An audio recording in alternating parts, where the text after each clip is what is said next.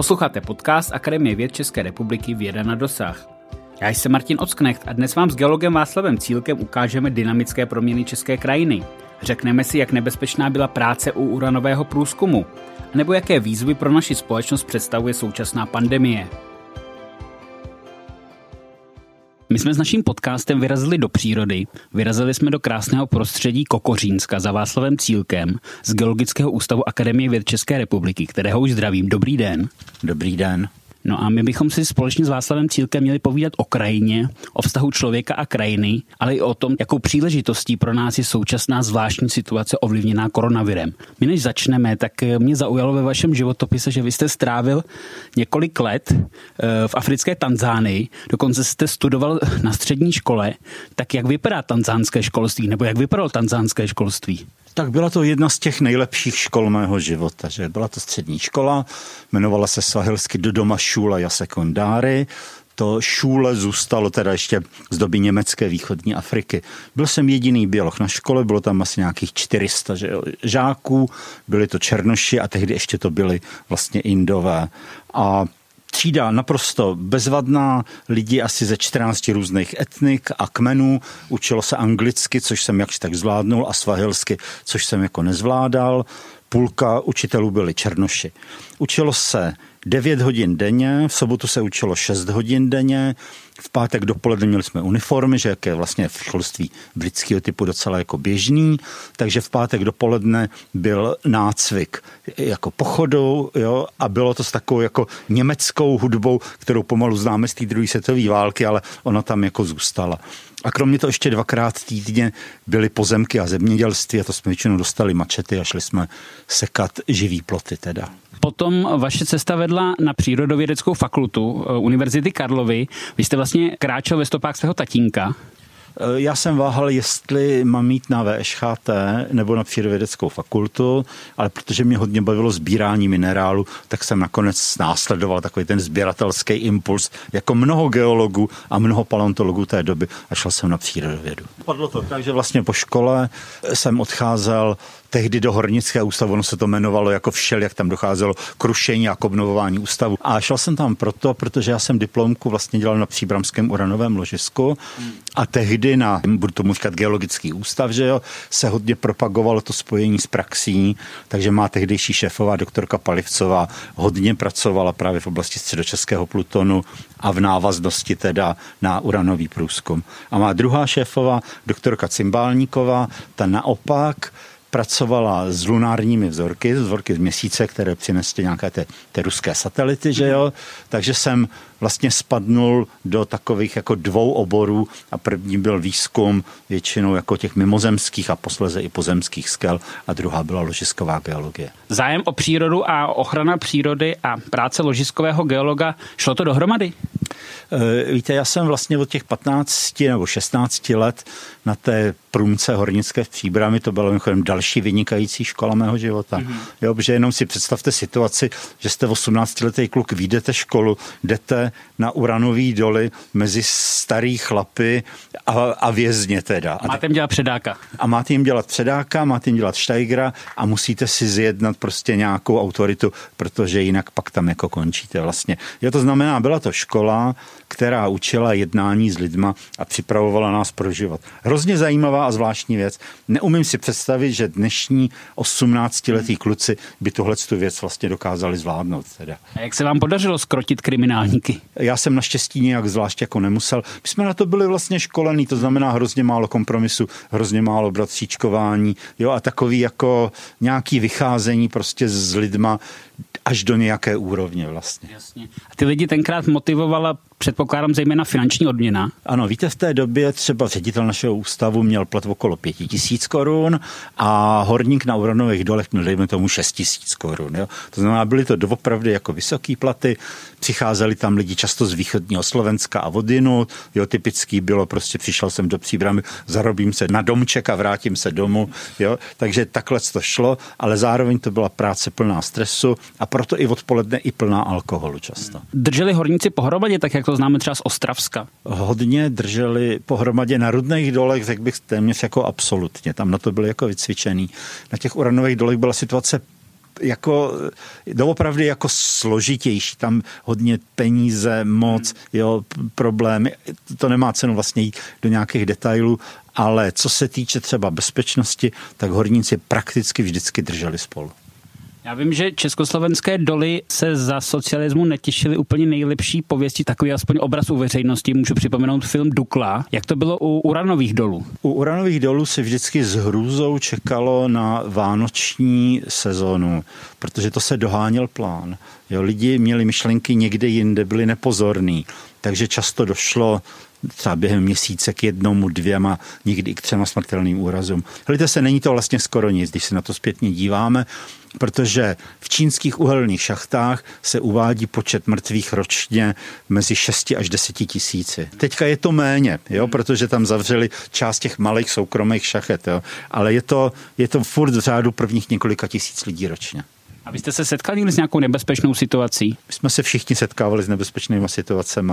Jo, Ono je to hlavně o té pozornosti. Jo, že furt okolo vás jezdí nějaká mašinka, někam můžete spadnout. Já jsem později teda dělal tu jeskyněřinu a to je vlastně jako život, který je poměrně bezpečný v okamžiku, kdy dodržujete určitý pravidla a dáváte pozor. Hmm úraz vás nepotkal. Jedna drobná zlomenina, ale několik mrtvých lidí jsem viděl. My bychom si vlastně mohli odvyprávět i příběh té krajiny, kde se nacházíme. Jsme na rozhraní Kokořínská a Českolipská, stále ještě v hranicích HKO.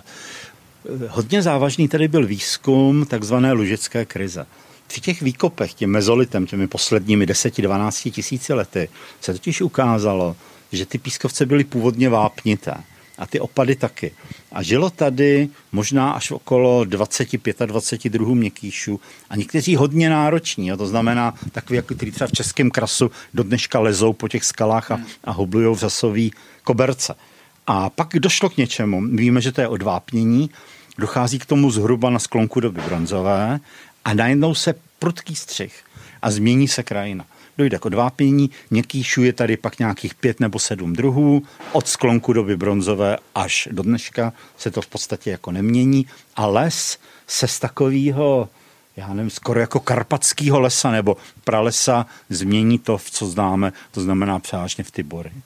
Takže to byla, to byla jako významná věc a zároveň to odpovídá i určitýmu civilizačnímu přerodu do doby železné. A ta krajina v té podobě, kterou známe dnes, se ustálila v jaké době? Těžko říct, jo, protože tady všude žilo německé obyvatelstvo. 19. století je stoletím přelidněného venkova. Jo, Němci měli neustále problémy s tím, aby měli zemědělskou půdu, že jo, pangermánské hnutí, později na to navazuje Adolf Hitler, ta potřeba toho Lebensraumu, jo, byla doopravdy jako silná. Tady, když výjdete do skal, tak vlastně políčka sahají až až pod ty skály, doopravdy jako na písek. Dneska je tady o 30, o 40% lesa víc, než tady kdykoliv jako předtím vyjvávalo. Jo, to znamená, my tu krajinu máme tendenci srovnávat se stavem 19. století, které je na fotografiích. Když se podíváte na fotky Kokořínského dolu, tak tam políčka existovaly na takových šikmých malých plošinách mezi vertikálníma skalama. Jo? Prostě úplně jako neuvěřitelná záležitost. A dneska se tam stěží vydrápete vlastně. Takže je hrozně obtížný definovat ten správný časový řez. Jo? Ale dejme tomu, že tyhle ty obce byly zakládány plus minus koncem 13. století. Zprávy jsou většinou až teda ze století 14.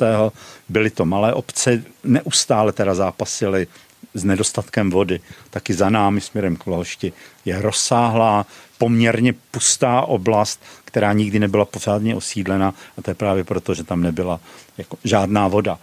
No a to, co my pozorujeme teďka, je vlastně nová fáze krajiny, a už přichází ta další fáze. To znamená, kde jsou tady i malé plochy smrkového lesa, tak to působí dojmem, že to tady někdo poprášil plošně kůrovcem, prostě, hmm. který, když má půl hektaru smrkového lesa, někde schovaného prostě nějaký rokle, tak si ho jako najde. Teďka máme velkou hrůzu a velký obavy z toho, že krajina e, e, přijde o borovice. Jo, sleduju to velmi pečlivě, prostě měsíc po měsíci a vidím, jak to pásmo těch zaschlých borovic se stěhuje směrem od Prahy dál na sever, teda nejdřív to začalo řekl bych na Sedlčansku, jo, a je to taková jako velmi jako nepříjemná vlna. A jaký je řešení tady toho problému? E, řešení já teďka nevím, jo, já to vlastně dost jako sleduju. Jako zajímavá věc je otázka přirozeného řešení. Tady na těch opuštěných polích třeba často vyrůstaly, jako vždycky teda, březový háje. Na okraji těch březových hájů dřív vyrůstaly smrky. Ale dneska vidíte, že ty břízy, které taky odcházejí stářím, podrůstají hlohem. To znamená, hloch je velmi teplomilný, že smrk je takový skoro podhorský. Takže já tady mám zachycenou, jako zachycený dvě fáze krajiny. Jo, jedný, dejme tomu smrkový nebo jehličnatý a druhý teda s hlohem, což mě dost jako znervozňuje, teda musím říct. Jo, zároveň si uvědomuju, že ta příroda věděla o této změně Eh, možná dřív než my teda. Ty hlohy jsou tak 10, 12, 15 let starý. Jo, poměrně nedávno, zhruba ve stejné době, nebo ještě teďka to akcelerovalo, v poslední době je tady velká invaze dubu. Jo, to znamená, na mě to dělá dojem, že příroda si vyhodnotila o několik let před náma, že prostě dochází ke klimatické změně jo, a to urychlilo prostě ty teplomilné dřeviny. Podobně když půjdete tady těch opuštěných různých hájů a mezí a zahrad, tak jediný dvě dřeviny, které tady dobře zmlazují, jsou třešně, což je jako normální, poměrně teda taky teplomilný, ale ty takzvané špendlíky, prostě slivoně. Hmm. A to se jedná původně o druhy, které jsou balkánský a jsou zvyklí na mnohem teplejší podmínky. Jo, to znamená, kdybychom to nechali být, jo, tak ta příroda postupně sama sebe jako obnovuje. Ekonomicky to nebude žádná sláva, že to bude trvat hrozně dlouhou dobu, že zejména prostě vzniknou takový ty, ty, ty volné prostory pokrytý prostě nějakou buření bez jakéhokoliv dalšího využití. To znamená, krajina se nám mění, prostě před očima. Co se týče rychlosti té změny, tak eh, je to asi v porovnání s tím, jak ta krajina byla eh, dříve neměná, tak je to něco nového, ta, eh, ta dynamika té proměny. Krajina tady byla skoro vždycky proměnlivá. Skoro každá krajina je proměnlivá, jenom některé extrémní krajiny, třeba krasový na Vápencích, anebo naopak třeba na tom Dokesku, ty písčitý krajiny dokázaly zakonzervovat snad ještě prostě tajgu z konce, z konce poslední doby ledové. Helejte se, život je neustálá změna, ale jedná se o to, že ta změna má určitý mantinely. Jo? To znamená meze stability. A jakmile překročíte tu mez a nemusíte nic moc pozorovat, jo? to znamená třeba teplota několik let je vyšší o půl stupně Celsia, nebo, nebo jsou menší strážky, nebo něco takového. Takže jakmile překročíte tuhle tu mez, tak najednou vám začnou prostě odcházet stromy, obyvoce, dřevokazný houby. Jo? A dostáváte se do nového pole stability té krajiny. Mm-hmm. No, my si povídáme o české krajině, eh, o jejich proměnách. Je něco, co českou krajinu eh, charakterizuje, co ji činí unikátní? Česká krajina je krajina malého měřítka. On už jako botanik Jiří Sádlo říkal, že u nás máme úplně všechno, ale je to malý vlastně. Jo? Jo, to znamená, máme tady kousky pralesů prostě o velikosti, já nevím, 20 x 50 metrů prostě. Já myslím, že pro českou krajinu je typická rozmanitost. Ono stačí, když si představíte středočeský kraj. A jaká by byla teda typická krajina středočeského kraje? Jo? Bylo by to Polabí, nebo by to byly střední Brdy horský, nebo by to bylo Vápencový český krás, nebo vulkanický křivoklácko. Jo, to už, jako, už jenom jako pro střední Čech je tohleto ovzvlášť jako typický. Ta rozmanitost a ta nejednotnost je, je zarážející, myslím, i v evropském měřítku jak formují podobu české krajiny zásahy člověka, protože já vím z vašich esejů, že kromě důlní činnosti je třeba u nás unikátní i rybníkářství, které vlastně už od středověku určuje ráz krajiny. Člověk vždycky tu krajinu proměňoval. V okamžiku, kdy měl málo technických prostředků a málo energie, jo, protože přeci jenom, když si vezmete člověka a přepočítáte si jeho sílu na nějaký gigajouly a vezmete si prostě buldozer, tak najednou vidíte, jak obrovský rozdíl prostě o několik řádů jako je. Jo, to znamená, člověk do nedávna, do toho 19. století nebo do vzniku větší mechanizace, se spolehal na své síly a síly zvířat. Hmm. To znamená, on musel hrozně pečlivě, aby se nesedřel vůbec, jako uvažovat o tom, jakou změnu udělá. To znamená, většina lidských změn těch posledních staletí se týkala zvýraznění toho, co tam bylo. To znamená, když byla podmáčená louka, tak ji možná šlo použít na lukaření, anebo udělat rybník. Když ta louka měla základ dobrou půdu, jo, třeba černozemní, tak se ty rybníky zase rušily. Jo, třeba Třeboňsko je jedinečné tím, nebo i oblast těch jeho českých blát, je, že tam ty rybníky jsou na takových jílech, které vlastně by nikdy nedali pořádnou úrodu a proto Třeboňsko zůstává zachované. To je docela jako, jako hmm. jedinečná jako věc, doopravdy. Ja? A zatímco třeba v těch středních nebo těch severních Čechách se přišlo až o dvě třetiny rybníku. Hmm.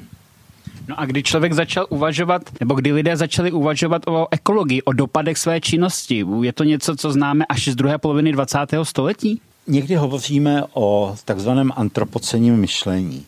A už jako v 19. století psalo několik lidí docela jako obsáhlé a zajímavé věci, které se týkaly lidského přetváření krajiny. Hmm. Začíná to možná Alexandrem von Humboldtem, který vyrazil že do té Jižní Ameriky a všímal si, co udělá plantáž třeba s erozí, se splachem, vůbec jako s tváří krajiny. Potom takový velmi důležitý člověk byl američan George Perkins Marsh. Ten stojí za zaznamenání, protože ten potom nesmírně ovlivnil i českou ochranu přírody po Aha. roce 1920.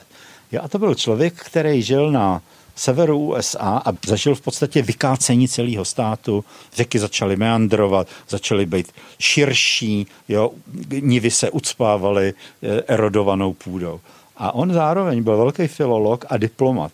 Takže pak ho vláda vyslala nejdřív do Turecka a potom do Itálie.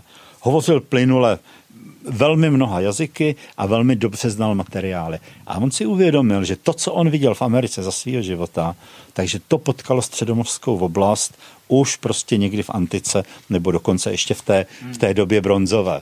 Takže začal vytvářet model, jo, je to kniha Člověk a příroda, kdy člověk a příroda se navzájem doplňují. On byl Američan. To jsou praktický a pragmatický lidi, takže on snil o krajině, která obnoví původní funkci, ale nejenom z hlediska ekologie, ale taky, aby byla užitečná pro člověka. Tyhle ty jeho myšlenky hodně rezonovaly. Třeba ještě v těch 50. letech u nás, jo, kdy se doopravdy jednalo o produkční krajinu, která si zároveň udržuje svoji hodnotu. A to je teďka, ta situace se znova vrací, vlastně po těch letech, protože my zjišťujeme, že tu krajinu potřebuje nejenom teda kvůli že tomu dřevu a kvůli tomu obilí, ale aby zadržela vodu to, jo, a aby jsme se v ní cítili dobře, aby tady byl stín, aby nebyly tak, tak velký vlny veder. Jo, to znamená, opět se nám jedná o krajinu, která je praktická, hezká a zároveň z hlediska biodiverzity bohatá zároveň. No a je to tak, že největší zásah do podoby české krajiny udělali právě ty průmyslové zásahy v 50., 60., 70. letech s tím rozvojem a budováním socialismu? Víte, kdybychom byli v Americe, tak bychom mluvili o budování kapitalismu a vyšlo by to zhruba jako na stejno teda. Řada postupů existovala nebo se prováděla třeba jako meliorace hmm. už koncem 19. století, ale jenom na některých pozemkových držbách, protože ty byly prostě velký. Vy, abyste doopravdy zničil velký kus krajiny, tak musíte mít jednoho vlastníka. A to je až v okamžiku, kdy tím vlastníkem je stát. A zároveň ten stát, že jo, si potrpí na velikářství, jsou ty velké stavby toho socialismu a zároveň už má ty technické prostředky, ropa byla velmi laciná, že jo, ruská jo, a, a technika těžká teda existovala. Jo, to znamená, máte máte zvůli, máte moc, jo, a máte, e, máte obrovskou rozlohu půdy, na které můžete něco provádět. Takže za toho socialismu, ano, se tyhle ty věci začínaly doopravdy silně projevovat. A je to tak, že kdybychom se spolu procházeli Kokořínském e, nebo okolím Dubí před 50-60 lety, že by ta krajina měla jinou podobu než dnes? E, byla by stejně hezká jako teďka, byla by mnohem méně zarostlá, okolí silnic by bylo asi hodně jako volné, hmm. bylo by to všechno mnohem přehlednější, skály by byly vidět a Myslím si, že ta krajina by byla celkově v pořádku, i když ležíme už teda v severních Čechách. Kdy v československé společnosti začalo rezonovat to téma ochrany životního prostředí? Určitě ty náznaky byly v 60. letech, to já ještě jako nepamatuju, ale už v těch 70. letech se hodně mluvilo o znečištění. Ono to zase odpovídá poměrně přesně americké situaci, kde se mluvilo o DDT a o těžkých kovech. Jo? Takže to bylo tady taky. Já bych možná něco řekl k disentu. Otázka disentu je skloňovaná posledních 20 nebo 30 let, ale v podstatě vždycky se jedná jenom buď to teda o chartisty, anebo o literáty. Ale ve skutečnosti existovala šedá zóna disentu, a to v památkářství a v ochraně přírody. Český zákon o ochraně přírody z roku 1956 byl nebo do dneška může být považován na svou dobu za jeden z nejlepších v Evropě. Jo, podobně velmi jako překvapivá byla dokumentace a paspartizace středověkých, teda středů historických měst. Jo, to se na to vlastně i ty západní kolegové se na to dívali s velkým překvapením, že to existuje. Bohužel existovalo velmi mnoho politických výjimek, ale dneska zase existuje velmi mnoho ekonomických výjimek. Jo, takže jako, je jako jedno, jestli, nebo jedno, nevím, jestli máte totalitu moci nebo totalitu peněz. Ale k asanacím měst, jak to známe z té stejnojmené hry Václava Havla, docházelo? Že jo, tak most je takový jako velmi jako typický příklad jo, a došlo vlastně ke znehodnocení středu mnoha měst. Jo, jako ano, ano. To je ten prior, to je ten obchodní dům na Jihlavském náměstí. Jo, jo, znojmo. Mohli bychom prostě jmenovat doopravdy velmi mnoho sídel, kde se nejednalo často o hloupost, jo, ale o záměrné zničení horizontu. Ono je to něco podobného jako v Moskvě, že jo? když Lenin a Stalin přišli do Moskvy, tak to bylo víceméně dřevěné město, mezi tím nějaký ampirový vily a nad tím vším byly zlatý báně vlastně kostelů. To znamená Moskva v roku 1900 nebo později měla úplně jiný duchovní vzhled. Jo. A tohle to bylo nutné narušit výstavbou těch staveb typu Internacionál. Jo. Monosová univerzita. No, no, no, no, no, no, no, no. Jo, a proměnit zase tu vnější tvář toho města. My si s Václavem Cílkem z Geologického ústavu Akademie věd České republiky povídáme o krajině, o vztahu krajiny a člověka. Je třeba zmínit i vztah krajiny a kultury, protože americký spisovatel Simon Sham napsal, že bez krajiny není kultury. A my máme i praktické doklady, protože jsme kousek od Máchova kraje. Víme, že Vysočina bývá nazývána eh, krajem malířů. Čím to vlastně je, že krajina fascinuje umělce? V těch městech se vlastně té kultury tak mnoho neodehrávalo. Jo, byly tam umělecké školy, byly tam divadla, byly tam koncerty, ale pokud se na kulturu díváme z hlediska těch lidových zvyků, tak to maximum se dělo na té vsi. Jo, to byl ten, ten kulturní, jo, takový byť jako lidový, že jo, dneska se na to můžeme dívat všelijak, ale budíš prostě folklorní svět, ale tam je, tam ta kultura pulzovala nejvíc. A proto se ti umělci vydávali na venkov. S tím asi souvisí mnoho dalších věcí. Hmm. Ten venkov byl většinou vnímán jako něco čistého. Hmm. Jako, že tam žije to skutečný jádro toho národa. Ale možná, že tahle ten názor vzniknul při četbě antické literatury, kde vlastně už za Římanů, který zažil něco podobného, rozvoj měst a společenský korupce a divný císařové, že a tak dále, tak se obraceli k tomu venkovu jako ke zdroji e, národní síly. Římani dokonce měli přísloví jako nevěst člověku, který má víc pole, na dnešní míru je to tři hektary prostě, jo? že ten jako, když máte víc jak tři hektary, tak už jste k tomu nemohl přijít nějakým poctivým způsobem. Takže taková antická verze nevěst člověku nad 30.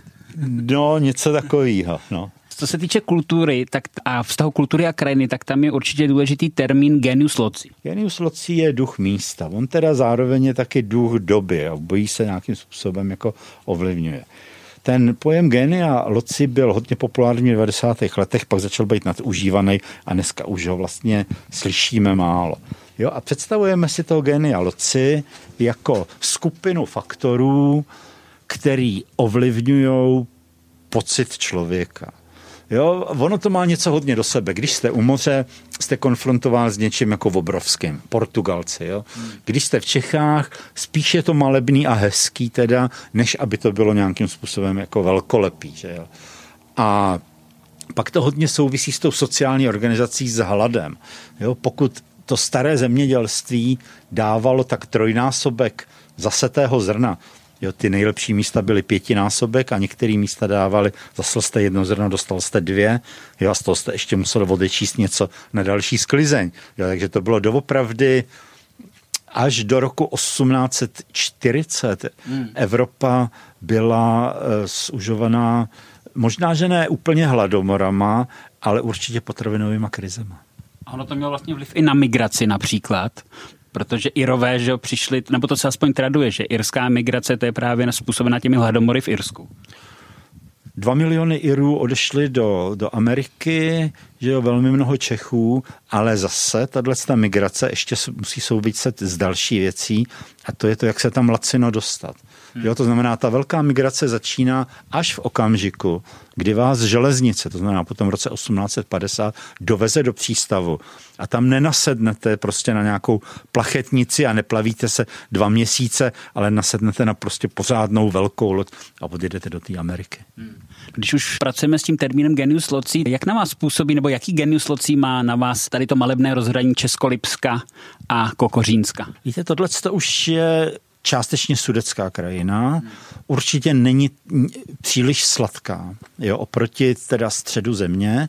Tady to vévodí vlhošť, který má pověst spíš mocnou a špatnou teda, spíš jako divokou, že jo, než prostě okolní kopce. To znamená, tohle je krajina, ale jako to je skoro všude v Sudetech, kam přicházíte s určitým respektem. Jo? Je to krajina, která vás automaticky nepřijme, kterou musíte objevovat, musíte musíte si zvyknout na, já myslím, na určitou divokost.